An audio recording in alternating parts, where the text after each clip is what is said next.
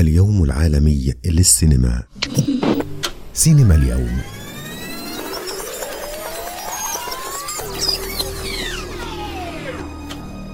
على اليوم بودكاست تحتفل السينما العالمية بيومها العالمي في يوم الثامن والعشرين من ديسمبر من كل عام.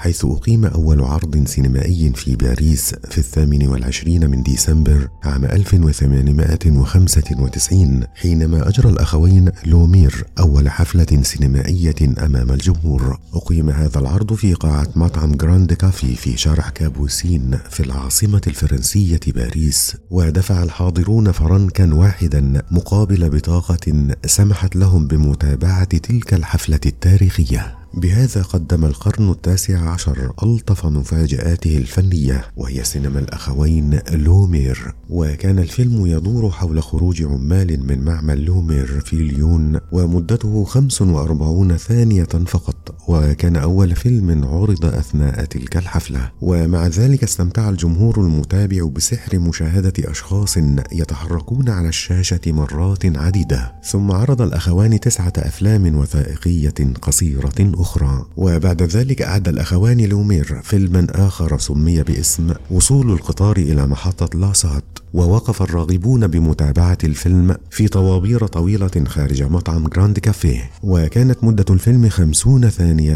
فقط. ورغم ذلك تمكن هذا الفيلم من إثارة الخوف والرعب وحتى الذعر لدى المشاهدين أثناء اللقطات القصيرة للفيلم عند مشهد القطار الذي ظهر يتحرك على جدار أبيض يقترب من الحاضرين ويزداد حجمه. واشتهرت السينما الفرنسية خارج فرنسا بعد بدئها بقليل وأقيم عرض فيلم وصول القطار إلى محطة لاسات في مدينة موسكو عام 1896 وبعد عقدين من الزمن ارتقت السينما إلى مصاف الفنون من قبل الكاتب الفرنسي من أصول إيطالية ريتشوتو كانودو شكرا لاستماعكم لنا وعلى وعد بلقاء في البودكاست القادم نتناول فيه لحظات أخرى غيرت حياتنا بشكل مختلف. انتظرونا لتتعرفوا على المزيد. دمتم في أمان الله. اليوم بودكاست.